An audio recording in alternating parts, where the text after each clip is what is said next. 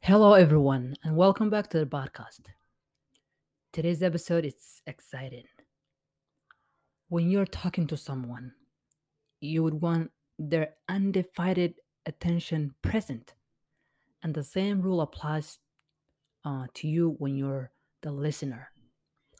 So, also, um, since listening and hearing are two different things, it is important to utilize language that um, indicates your uh, attentiveness to others. And uh, that is what we'll be uh, concentrating on in this uh, episode. Without further ado, let's get started. The first one is Heye. Heye. Heye means okay. Also, it signifies I want to hear more about what you have to say.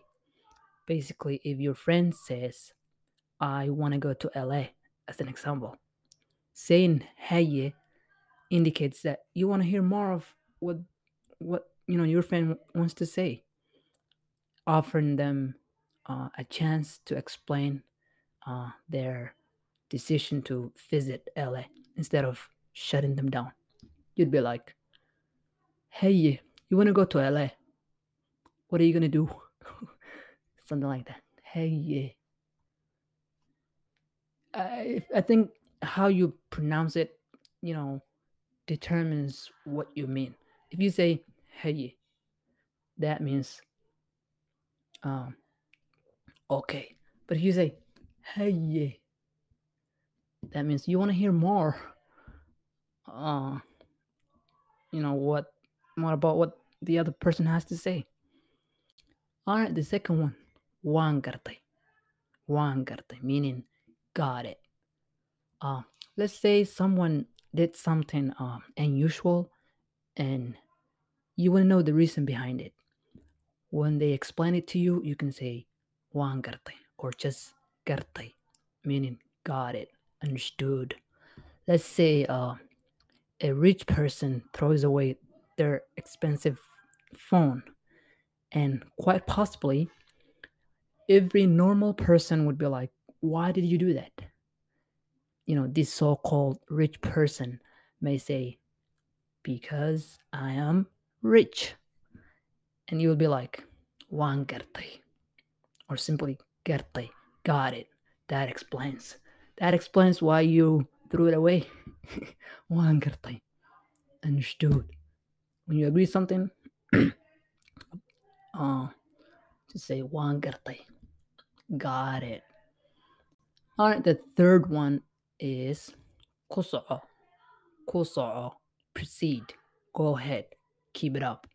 Kusa, one of your friends, family members, or even co-workers indicated that they wanna share something with you. And you can of course say, Kusa, let's hear what you, what you have to say.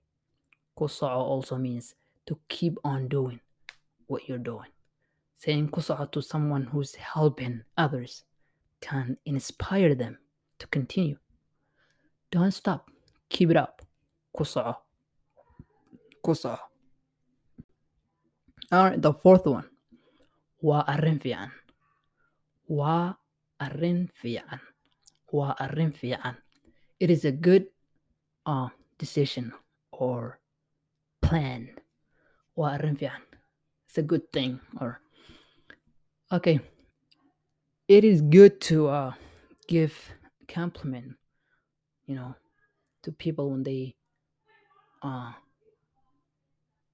when they're doing something or you when they're wearing nice clothes or they're doing something good um so assume you're an adult with children and one of them expresses a desire to get married launch a business or write a book on a property or visit holy places like Mecca or Jerusalem saying wa fi'an inspires and encourages them to accomplish that specific goal.